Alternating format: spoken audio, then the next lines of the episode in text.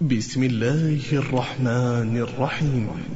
القارعة والقارعة وما أدراك ما القارعة؟